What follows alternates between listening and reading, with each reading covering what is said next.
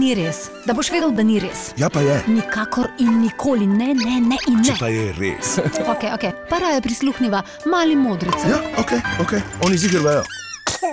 Kakšna stvar je likalnik? Likalnik je zelo vroč, pa se lahko opečeš.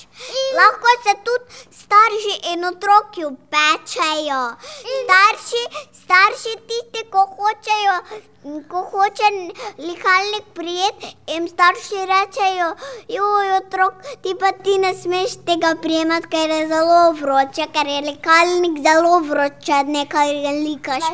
Lahko recimo mama um, lika obleke, a ta pa lahko lika um, um, pižamo, si če umazana. Tudi če mamice ne oboga, se lahko opečeš in lahko samo mamice likajo. Ja, ja, ja. Otroci pa ne smejo, razen če likajo z otroškim likalnikom, ko ni vroč. Da, moja mama je, ko je bila mala, je položila um, na likalnik usnice.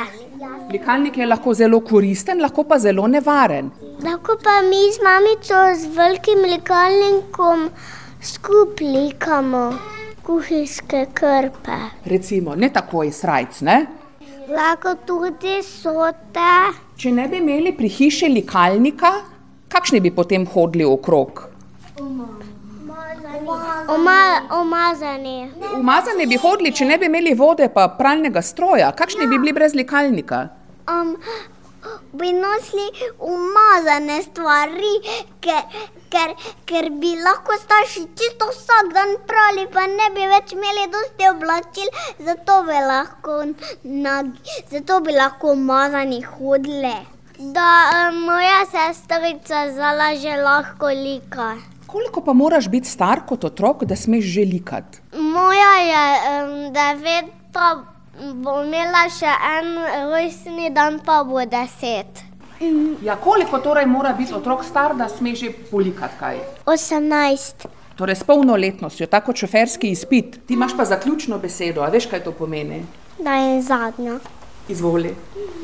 Da komarji veš, zakaj pikajo, ker to so samo mamice, ker rabijo energijo za ležati jajčka. Ker jaz, ker jaz imam tako knjigo. A piše v tej knjigi tudi kaj o likalnikih? Ne. Ampak še nekaj vem iz te knjige, Ja, povej da a, nafto iščejo v morju, ker se spremeni iz rastlin, iz živali. No, vidiš, sem ti rekla. Ja, res je. Če kdo ve, vejo oni. Mali modreci! Kaj bo to na radiju ali kaj? Ja, na radiju Maribor.